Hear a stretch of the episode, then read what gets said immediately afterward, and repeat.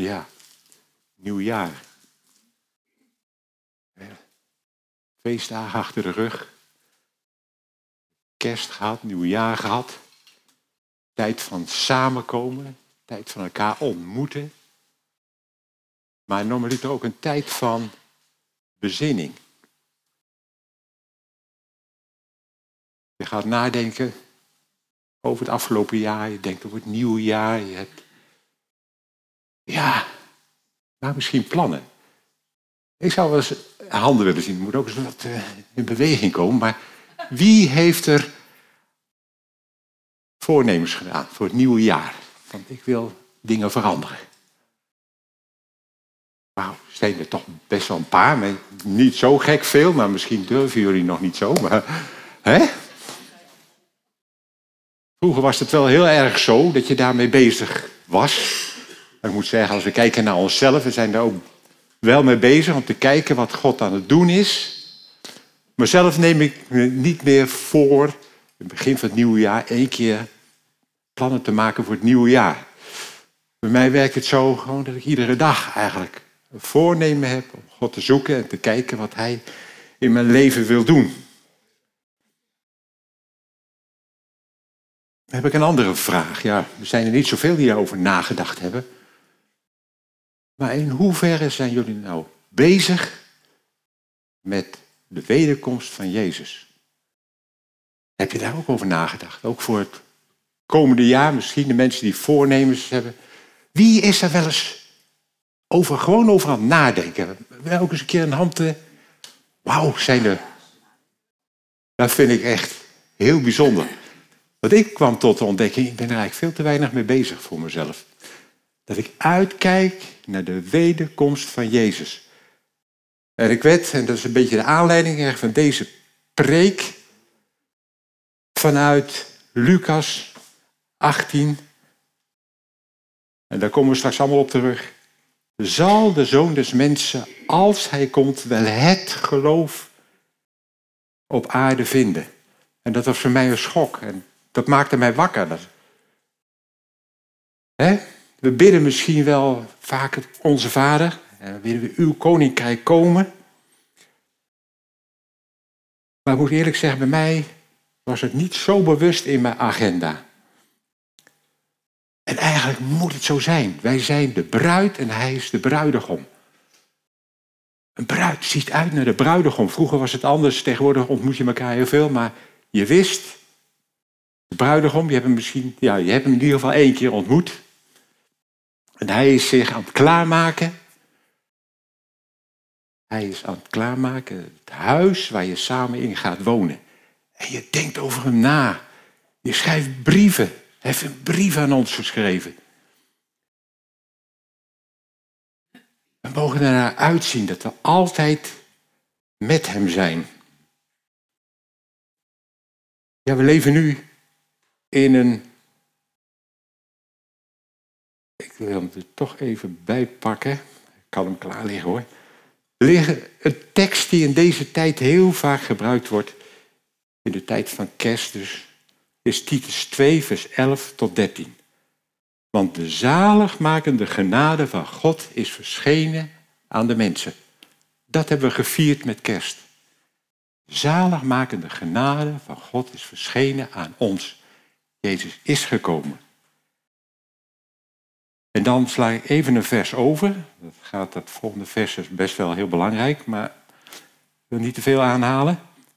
In vers 13 staat, terwijl wij verwachten de zalige hoop en de verschijning van de heerlijkheid van de grote God en onze zaligmaker Jezus Christus. Het eerste vers gaat over de eerste komst van Jezus.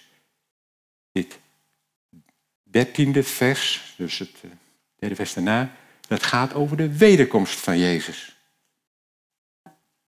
Verwachten we het ook echt? Ik ben blij te zien dat er toch zoveel handen zijn dat we het toch wel echt verwachten. Het is namelijk al zo lang dat beloofd. We wachten al zo lang. We wachten al zo lang.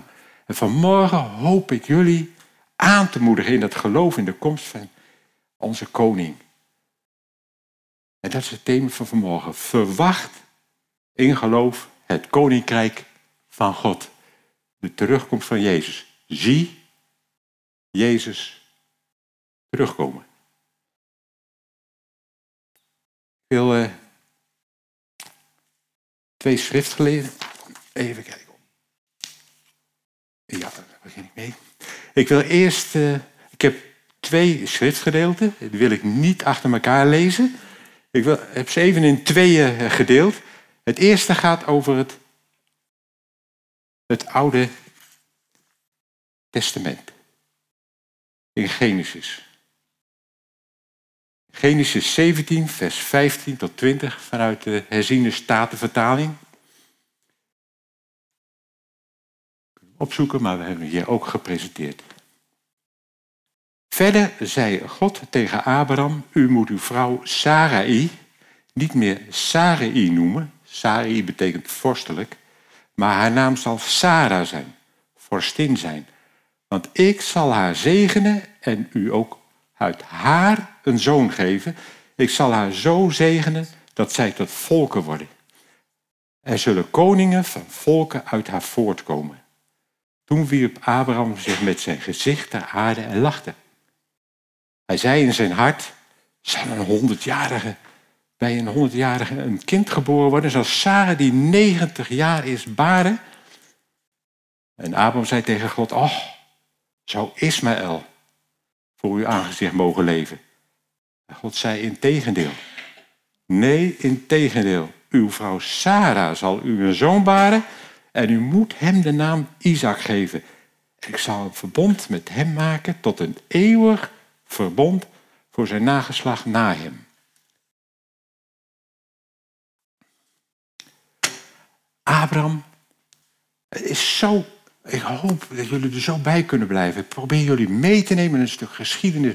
Want het is zo profetisch en het is zo'n voorbeeld voor ons. Gewoon onvoorstelbaar. Ik was er zo van ondersteboven toen ik dat pakte. Abraham is ons grote voorbeeld in het geloof. Abraham staat in Genesis 12, we beginnen even mee.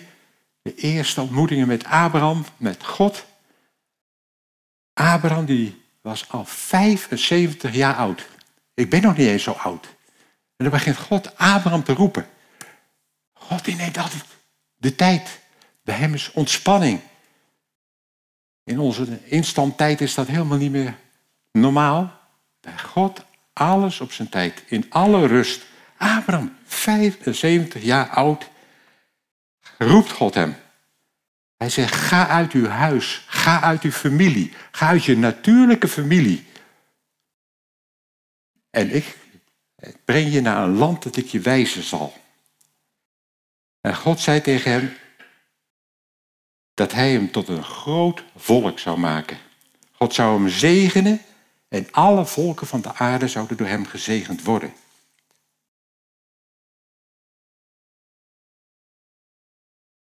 Abraham ging op reis, gehoorzaam aan God. En hij kwam in het land dat God hem beloofd had. Dat God aan zijn nageslacht zou geven. Zijn nageslacht staat in het Genesis, zou worden als het stof der aarde. Maar ja, kunnen jullie je voorstellen, Abraham, misschien was hij toen al wel 76, ik weet niet hoe lang die reis geduurd heeft, maar ook niet wanneer hij jarig was. maar hij had nog wel geen zoon. En alles wat God beloofd had, zijn nageslacht en volken, en dat begint toch met één zoon. Dat begint met één zoon. Die heb je wel nodig. En hij deelde die zorg met God in Genesis 15, vers 3. Maar God bemoedigde hem en zei hem dat iemand uit zijn eigen lichaam erfgenaam zou zijn. Want hij zei, ja, mijn, uh, mijn dienstknecht die zal me beërven. Nee, zegt God, je nageslacht, dit keer een ander beeld, zou worden als de sterren aan de hemel. En Abraham geloofde God en hij rekende dat toe tot gerechtigheid. God beloofde het land waar hij nu was, waarin hij nu verkeerde, waarin hij nog geen enkel eigendom had en ook nooit zou krijgen. Abraham dus, hè. Dat dat aan zijn nageslacht zou toebehoren. En God vertelde hem al in vers 13 dat zijn nageslacht 400 jaar in een vreemd land zouden wonen en daar onderdrukt zouden worden. Maar God zou recht spreken en recht doen aan zijn nageslacht. God sloot een verbond met Abraham. Dat hij dit land aan zijn nageslacht zou geven. En Abraham geloofde God. Maar die zoon had nog steeds geen zoon. Kun je je voorstellen? Je bent al, uh, al aardig op leeftijd gekomen. En wat doet Abraham dan? Hij neemt het heft in eigen handen. Samen met Sarah, hij doet het niet op zijn eentje. Ik heb het idee dat Sarah zelf met het idee naar voren is gekomen van, nou misschien moet het dan uit mijn slavin wel naar voren komen. En uh, ze gaf hem die slavin op een eigen invulling, dacht zij, de belofte van God na te komen. En waarachtig, die slavin werd zwanger. En Abraham was toen 86 jaar, dus hij had alweer 10 jaar gewacht. Hè? Kun je je voorstellen, als je zo'n belofte van God had, wanneer komt het? Waar blijft het? Weet je wel? Ik heb een zoon, weet je. Hij moet toch beginnen met een zoon. Ah. En dan wordt Ismaël geboren op zijn 86ste. En Abraham komt tot rust. Hij denkt, nou, hè, ik heb een zoon. Hè? Dus zak bij hem. Maar pas op. 13 jaar later, Abraham was 99, verscheen God aan hem. Hij sloot opnieuw een verbond met Abraham. En Abraham zei, hij zei tegen Abraham, Abraham was het nog steeds, dat hij hem uitermate talrijk zou maken. Hij zou een vader van een menigte van volken worden. En hij beloofde opnieuw dat heel het land Canaan een eeuwig bezit zou worden van zijn nageslacht. En dan zijn we op het moment waar we net de tekst van uh, gelezen hebben.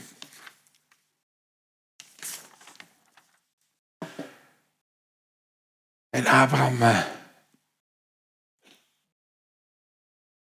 die hoorde God en die geloofde God. Maar hij lachte in zijn hart. Dat was zijn eerste reactie. Ik geloof dat dat zijn eerste reactie was. Het in zijn hart zei van, hoe kan nou bij een honderdjarig een kind geboren worden? Bij een vrouw die negentig is. Het gaat haar niet meer naar de wijze van de vrouwen. Dat is allemaal droog. Dat, is allemaal, dat, dat kan gewoon niet. Dat is onmogelijk, weet je wel. Maar wat is onmogelijk bij God?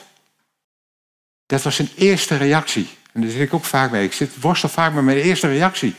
Maar in Hebreeën 11 staat duidelijk dat hij God geloofde. Dat hij God geloofde op zijn uh, belofte. En dat het zou gebeuren. Dus menselijkerwijs zag Abraham bij zichzelf, bij Sarah, geen mogelijkheid om zwanger te worden. Ze waren te oud geworden. Voor hen was het onmogelijk. Maar God zei nogmaals, je krijgt een zoon en die moet geboren worden vanuit Sarah. Dat is de zoon, de enige zoon met wie ik een verbond ga sluiten. En het jaar daarop werd Isaac geboren op de vastgestelde tijd. Op Gods tijd. God, dat God vastgesteld had voor zichzelf. En dat kunnen mensen soms heel lang vinden duren. Maar over een jaar zou Sarah een zoon hebben. Zou voor de Heer iets te wonderlijk zijn? En Sarah werd zwanger op die vastgestelde tijd. En gaf Abraham een zoon in haar eigendom, eh, in, haar, in zijn ouderdom. Probeer ik even wat geschetst. Probeer nu het totale plaatje te pakken. We zien eerst de belofte van God. Belofte en weer een keer belofte en bevestiging van belofte. En daarna moet er eerst die zoon komen. Die zoon, die speciale zoon, die zoon vanuit de belofte. En daarvanuit komt het nageslacht. En het nageslacht moet groeien. Er gaan 400 jaar overheen. In het land waar ze niet, dat God er niet beloofd had, in een vreemd land, 400 jaar moesten ze groeien en groeien. En het werd beangstigend voor Egypte toen, voor de Egyptenaren toen ze zagen hoe groot dat volk werd. Houd dat vast, al die beelden. We komen straks op terug. Isaac is een duidelijk beeld van Jezus, de beloofde zoon. Na lang wachten op de vastgestelde tijd. Uit Isaac volgt eerst een nageslacht dat bevrijd moet worden. Uit die slavernij waar ze uiteindelijk gekomen zijn. De verdrukking. En daarna, na 400 jaar, staat letterlijk in de Bijbel zo, gaan ze op weg naar het beloofde land. Het land wat God hen toegewezen had. Staan ze er uiteindelijk voor? Staan ze er uiteindelijk voor? Hoeveel mensen geloofden daar? Eigenlijk maar twee van die spionnen. Twee van die spionnen, de Mozes en Aaron, zijn natuurlijk best wel een paar bij, maar, maar heel weinig mensen die geloofden. Terwijl ze daar vlak voor stonden. Alles wat ze van God hebben meegemaakt. Wat die spionnen deden, ik wil het gewoon eventjes nadrukkelijk noemen, omdat het van belang is voor ons. Die spionnen, of die, ja, die, die eh, spionnen zijn er dan, die misleiden het volk met hun. Zij misleiden het volk. Moeten we ook vasthouden. Dit is een voorafschaduwing van wat later gebeuren zou met Jezus. Nog een keer samengevat, we moeten geduldig Geduldig wachten op de belofte van God. Het begint met de zoon, de beloofde zoon. Daarna volgt het nageslacht. Een volk dat opgroeit in 400 jaar in een vreemd land. Het wordt onderdrukt. En uiteindelijk komt God en die bevrijdt hen, die leidt hen uit onder grote tekenen en wonderen. Het bijzondere daarbij is ook dat ze lang niet al die die oordelen over zich heen hebben gekregen. Israël heeft alleen die eerste paar oordelen meegemaakt en voor de rest heeft God ze daarin vrijgelaten. Zo dankbaar. Dus begrijpen jullie? Dit is het beeld, de voorafschaduwing, wat, je, wat Abraham ons geeft. Vind ik zo bijzonder. En nu ik kijken naar de tijd. Wat betekent dat nu voor ons? Hoe is het nu voor ons in het Nieuwe Testament? De Joden, duidelijk gelezen in het woord van God, had een plan met zijn volk Israël. En zij verwachten de beloofde Messias, de gezalfde. Ze wisten dat is een heel speciale zoon die gaat komen. Jezus Christus. Ze hebben zo lang moeten wachten. Misschien hebben jullie er wel van gehoord. Na die laatste profetieën in de Bijbel is er 400 jaar geen stem van God vernomen. 400 jaar. Niet apart. 400 jaar zweeg God. En toen kwam hij. Iets voor ons vasthouden. 400 jaar. Ik vind het zo frappant dat het met elkaar overeenkomt. Hetzelfde patronen. Zo zijn er zoveel van die tekenen. Ik ga jullie vanmorgen niet een nieuwe visie op de eindtijd geven. Ik wil gewoon zien wat God gedaan heeft. Hoe hij spreekt in zijn woord. Dat jullie daarin aanmoedigen en mezelf daarin aanmoedigen. Die inter testamentaire periode, zoals ze dat noemen. Dat is een nieuwe verbond. En dat is nu onze situatie. Daarin zitten wij nu. We zien uit naar het beloofde land, naar het koninkrijk van God. Maar het is nog niet helemaal zover. Jezus zegt in Matthäus 24, vers 14: En eerst moet het evangelie van het koninkrijk in heel de wereld verkondigd worden.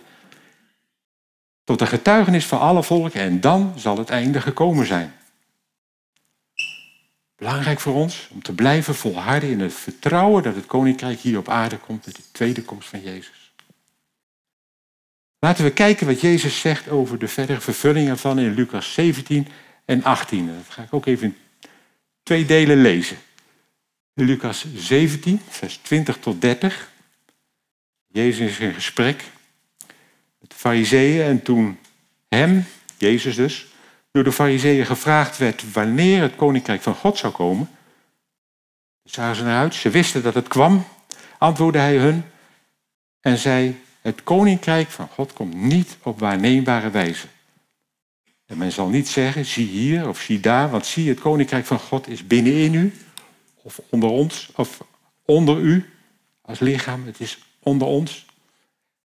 Hij zei tegen zijn discipelen, er zullen dagen komen dat u naar verlangen zult een van de dagen van de Zoon des Mensen te zien en u zult die niet zien.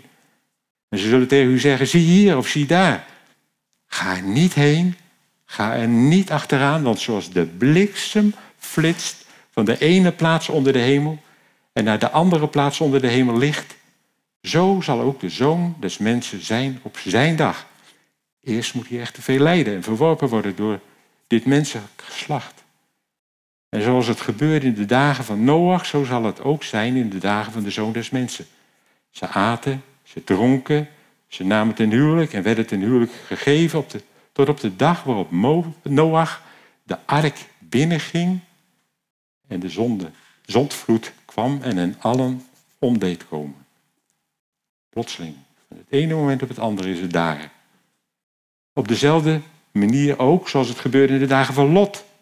Ze aten, zij dronken, zij kochten, zij verkochten, zij planten, ze bouwden.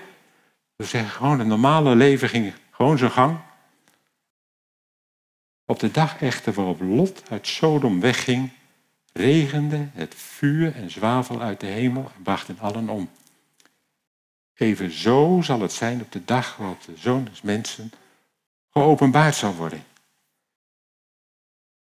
Even, ik ga er niet al te diep op in, maar in vers 20 zegt Jezus dat het koninkrijk van God niet op waarneembare wijze komt. En waarneembaar wil zeggen, er zijn geen symptomen, geen voortekeningen, waardoor je kunt zien dat het tijdstip gekomen is. Het tijdstip is niet te berekenen, het gebeurt plotseling. Net zoals bij Noach in die ark. Hij evangeliseerde, hij vertelde het aan de mensen, maar ze geloofden het niet. En op een gegeven moment is het afgelopen. Op één ogenblik is het daar. Maar de gelovige Noach en zijn gezin werd gered. Zo ook bij Lot. Precies hetzelfde. In die stad. De engelen kwamen bij hem en zeiden: Joh, je moet uit deze stad, want God gaat deze stad vernietigen. De bewoners waren zich er totaal niet van bewust. Zelfs zijn schoonzoons aan wie hij het vertelde, die dachten dat hij schetste. Alsof hij een grapje maakte. Die geloofden niet, die waren er totaal niet op voorbereid. En Lot moest snel wegwezen. En dat gebeurde van het ene ogenblik op het andere. We kunnen het niet berekenen. En toch moeten we letten op de voortekenen van de tijd. Er komen in vers 22 er zullen dagen komen dat u naar verlangen zult, een van de dagen van de zoon des mensen te zien. Er komen moeilijke tijden. Dat is gewoon zeker, dat heeft God gezegd. Je zult verlangen mij te zien, maar je zult me niet zien. Het komt aan op geloven. Vertrouw op hem. Net zoals in Egypte, dat volk dat werd steeds meer en meer verdrukt, had het steeds zwaarder. Ze begonnen uit te roepen naar God. Ze riepen het uit naar God. En God hoorde en hij zond hem Mozes. Vers 23. En ze zullen tegen u zeggen: zie hier of zie daar. Ga er niet heen, ga er niet achteraan. Als Jezus terugkomt, zal het absoluut duidelijk zijn. Laat je niet misleiden. Wees op je hoede. Want zoals de bliksem flitst, nou, we hebben het net gelezen. Zo plotseling zal de komst van Jezus zijn.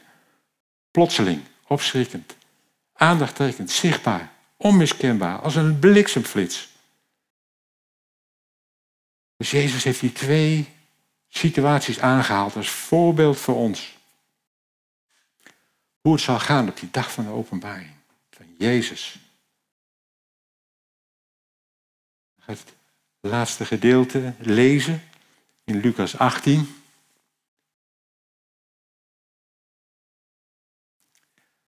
En hij, Jezus, sprak ook een gelijkenis tot hen met het oog daarop dat men altijd moet bidden en niet de moed verliezen. En hij, Jezus, zei, en hij, Jezus dus, zei, er was in een zekere stad een rechter die God niet vreesde en geen mens ontzag. En er was een weduwe in diezelfde stad en zij kwam voortdurend naar hem toe en zei, doe mij recht tegenover mijn tegenpartij. En hij wilde een tijd lang niet. Daarna echter zei hij bij zichzelf, hoewel ik God niet vrees en geen mens ontzie, Toch zal ik, omdat deze weduwe mij lastig valt, haar recht doen, opdat ze uiteindelijk niet komt en mij in het gezicht slaat. De Heere zei, hoor wat de onrechtvaardige rechter zegt.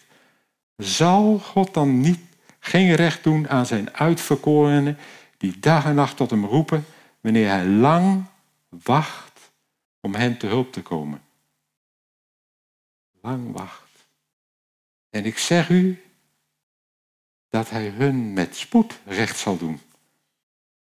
Maar, en dat is de kentekst van deze morgen, zal de zoon des mensen, als hij komt, wel het geloof op aarde vinden.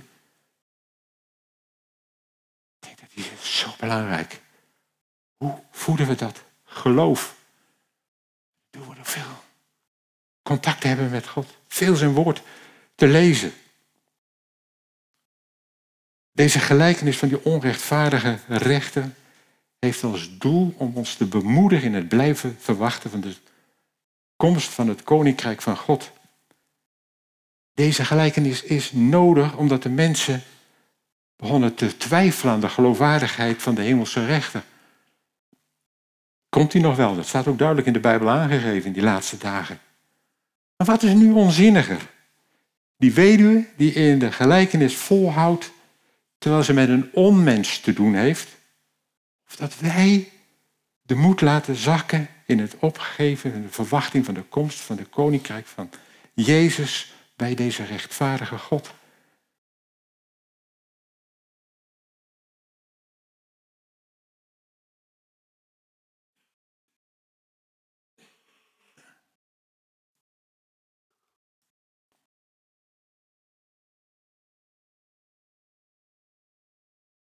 Even ingaan op het beeld van die weduwe.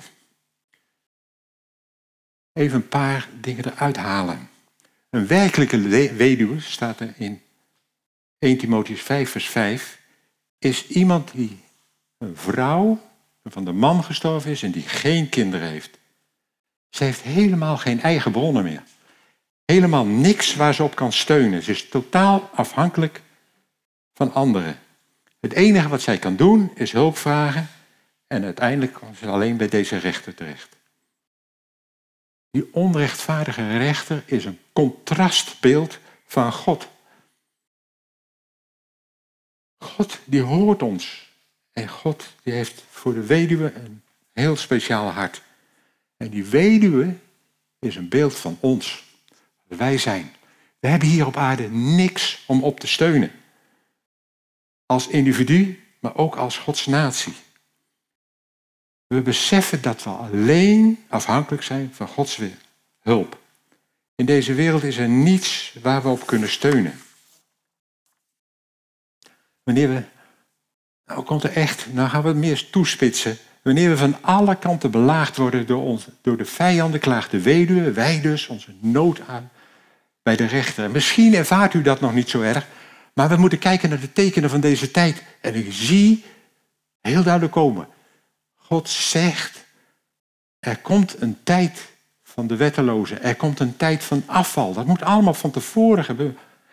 En dat gebeurt met ons nu, nu in deze tijd. Jezus zegt, we zullen lijden net zoals Jezus geleden heeft. We moeten dat ons wel voor ogen houden. Ik, ik besef dat steeds meer. En bid, Heer, geef me genade, geef me de kracht om in u te blijven, Heer. Om staande te blijven in deze tijd. Want een slaaf staat niet boven zijn meester. Ik weet niet of jullie het ontdekken, maar in deze tijd, net zoals toen bij Egypte, begonnen ze steeds meer te ontdekken, hé, hey, dat volk, dat wordt toch wel erg krachtig. En het gebeurt in deze tijd ook met ons. Ik weet niet of jullie merken hoe er gevochten wordt tegen de christelijke waarden. De wereld, de wereld, die verafschuwt dat. Die zegt, die waarden van die christenen, weg ermee. Ik wil vrij zijn, ik wil vrij zijn. We zijn helemaal niet vrij. Maar dat is wat ze roepen. En dan is Psalm 2 is daar ook zo duidelijk in. Daar schrik je gewoon van. Dat de, de wereld, de hemelse, de aardse vorsten, de overheden, die zeggen, wij willen hun banden van ons afschudden. Dat is de tijd waar we nu in bezig zijn. Laten we oppassen dat we niet daarin meegaan. Laten we vasthouden aan het woord van God. In Lucas 19, vers 14 in een gelijkenis staat: Wij willen niet dat deze man koning over ons is. Dat is het teken van de tijd van de afval, van de wetteloosheid. Heer, help ons, open onze ogen om sterk en diep vertrouwen op Hem te blijven uitzien. Ook al ervaren we ons niet op dit moment, net zoals het volk Israël. Heer, waar bent u? Maar Hij is er. Hij is er. Alleen, Hij wil ons ja, testen, beproeven, kijken hoe ver we op Hem vertrouwen. In vers 7 staat, ik even op Zal God dan geen recht doen aan zijn uitverkorenen die dag en nacht tot hem roepen, wanneer hij lang wacht om hen te hulp te komen? Ja, hij wacht lang. Maar eerst moet heel dat nageslacht compleet zijn. Op zijn tijd, op zijn vastgestelde tijd, zal het gebeuren. Moeten geduld oefenen. Ik moest daarbij ook denken aan Matthäus 13. Het zaad van de zaaier. Het zaad wat tussen de stenen komt. Het moet diep wortelen in ons. Het moet diep wortelen in mijn hart. Want als de verdrukking komt, zouden we zomaar kunnen afhaken. Of dat het verstikt wordt door de dorens. diep vertrouwen blijven houden. En dan staat er in vers 8, en daar heb ik best mee geworsteld. In verband met het voorgaande vers. Ik zeg u dat u hun met spoed recht zal doen. Dacht, hoe zijn die twee nou met elkaar te rijmen? Hij wacht lang om hun te hulp te komen. Hij zal u met spoed recht doen. We hebben heel wat nagezocht, maar het woordje spoed heeft ook een andere betekenis. Ik heb het al een paar keer genoemd. Spoed, plotseling. Van het ene moment op het andere zal God recht doen. Hij zal recht doen. En daar werd ik eigenlijk ook in bevestigd, omdat Jezus zelf ook niet wist wanneer het ging gebeuren. Dus hoe kon hij nou zeggen van wanneer het zou gaan gebeuren? Hij zegt, dat recht heeft de Vader alleen aan zichzelf gehouden. Dus dat bevestigt mij ook van spoed, daar kon Jezus ook niks over zeggen. De bedoeling is hier plotseling, op het ene moment. Net zoals bij Noach, net zoals bij Lot. En zo zijn er best wel meer voorbeelden. Plotseling zal God komen. Plotseling. Wij moeten gewoon maar letten op de tijden die er komen. En vast blijven houden aan zijn woord. Van de vraag of God recht zal doen aan degene die tot hem roepen, wordt door Jezus met nadrukkelijk ja beantwoord. Hij zal recht doen. Het zal gebeuren. Dan terug naar die vraag in vers 8b. Zal de zoon des mensen, als hij komt, wel het geloof vinden op aarde? Jezus vraagt niet of er gelovigen zijn. Iedereen gelooft. Iedereen gelooft. Iedereen heeft een geloof. Al gelooft hij in niks, dan gelooft hij in niks. Iedereen gelooft. Daarom is het woordje het is zo belangrijk. En wat ik jammer vind, in de nieuwe Bijbelvertaling wordt het weggelaten. En het is zo'n essentieel woord. En in de grondtekst, je kunt de studiebijbel nakijken, staat het nadrukkelijk genoemd. Het gaat hier om het geloof. Het geloof, wat is het geloof? Natuurlijk in de basis het geloof in Jezus. Maar in dit verband en dat vertaalt de Naderse Bijbel zo magnifiek. En ook de Willebord-vertaling vertaalt het zo. Dit geloof daar hebben zij het vertaald. Ja, dit woord kun je op allerlei manieren vertalen. Maar ik vind het een hele mooie vertaling. Het gaat om wat hiervoor staat. Dat we blijven geloven dat Jezus komt. En dan is zo belangrijk. En dan Jezus, zal het geloof nog gevonden worden? Die vragen, je gaat zo diep dieper dan we op het vlakkige denken. We moeten erop voorbereid zijn. We moeten daarover nadenken. We moeten ervoor bidden. Heer Jezus. Wil ik nog zeggen wat me nu te binnen schiet. Bij het voorbeeld van Abraham. Al die beloftes. Uiteindelijk is het uitgekomen. Het volk is in het beloofde land terechtgekomen. God komt zijn belofte na. En ook daar mogen wij ons aan vasthouden. God komt zijn belofte na. Wij, zijn koninkrijk komt. Ja, die vraag zal, ja, dat hangt helemaal van ons af. Het is een open vraag van Jezus. Zijn we daarop voorbereid? En eh, kijk naar mijn eigen leven. Als dingen soms plotseling gebeuren, dan gaat bij mij vaak iets fout. Ik heb jullie verteld over die, die, het verhalen van het vliegtuig. Ja, misschien denken jullie het is iets zomaar iets, maar het is voor mij zo'n ingrijpende gebeurtenis geworden, waar dit soort dingen uit voortvloeien. Het heeft me zo gegrepen in mijn hart dat ik op dat moment geen geloof had, niet kon bidden. Op dat moment. Het was gewoon een schok voor mij. Echt. Het was een schok. Het kwam plotseling. Ik was er niet op voorbereid. Heer, alsjeblieft, laat me voorbereid zijn. Laat me voorbereid zijn. Oh. Je kunt zomaar geconfronteerd worden met zijn wederkomst. Samengevat. Net als bij Abraham, het begint met de zoon van het verbond. Niet zomaar een zoon, hij is gekomen. Onze Heer Jezus. We hebben dat gevierd. Daarna komt eerst een nageslacht, een compleet nageslacht. Dat heb je eerst nodig voor een koninkrijk. Het is nog niet compleet blijkbaar. Daar gaat veel tijd overheen, maar ik heb het gevoel dat we toch wel aardig in de buurt komen. Wij zijn een natie in een vreemd land. We leven in deze wereld, maar we zijn niet van deze wereld. We zien uit naar een vaderland. Tijd van niet de moed verliezen. Er volgt een tijd van afval. Laten we daarop voorbereid zijn. Laten we ons niet laten misleiden. Daarom zei ik net zo nadrukkelijk over die spionnen. Die twaalf spionnen die uitgezonden zijn. Tien daarvan misleiden het volk en het hele volk ging erin mee. Daarom, wij moeten zelf God kennen. We moeten zelf Jezus kennen. En ze hebben zoveel van God gezien en ze gingen mee met die spionnen. Tijd van de wetteloosheid, die tijd van afval, die is komende. Laten we oppassen en vasthouden aan Gods woord.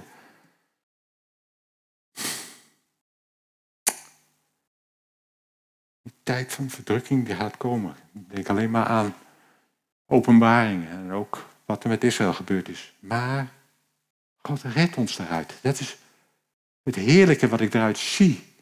God heeft Noach eruit gered, God heeft Lot eruit gered. God heeft het volk Israël in zijn gehele volk eruit gered. Het overgrote deel is langs hun heen gegaan en zo zal het ook met ons gebeuren. Hoe? Ik waag me daar niet aan.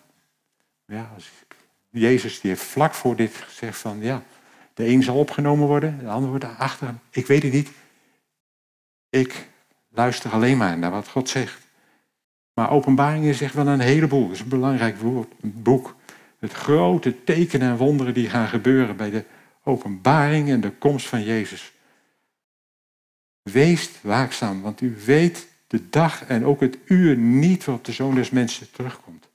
Hij komt als een diep dief in de nacht.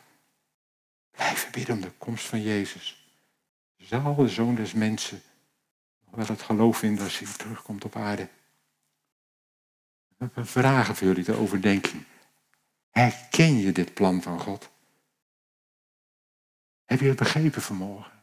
Ik probeerde over te brengen. Het heeft voor mij heel wat gedaan.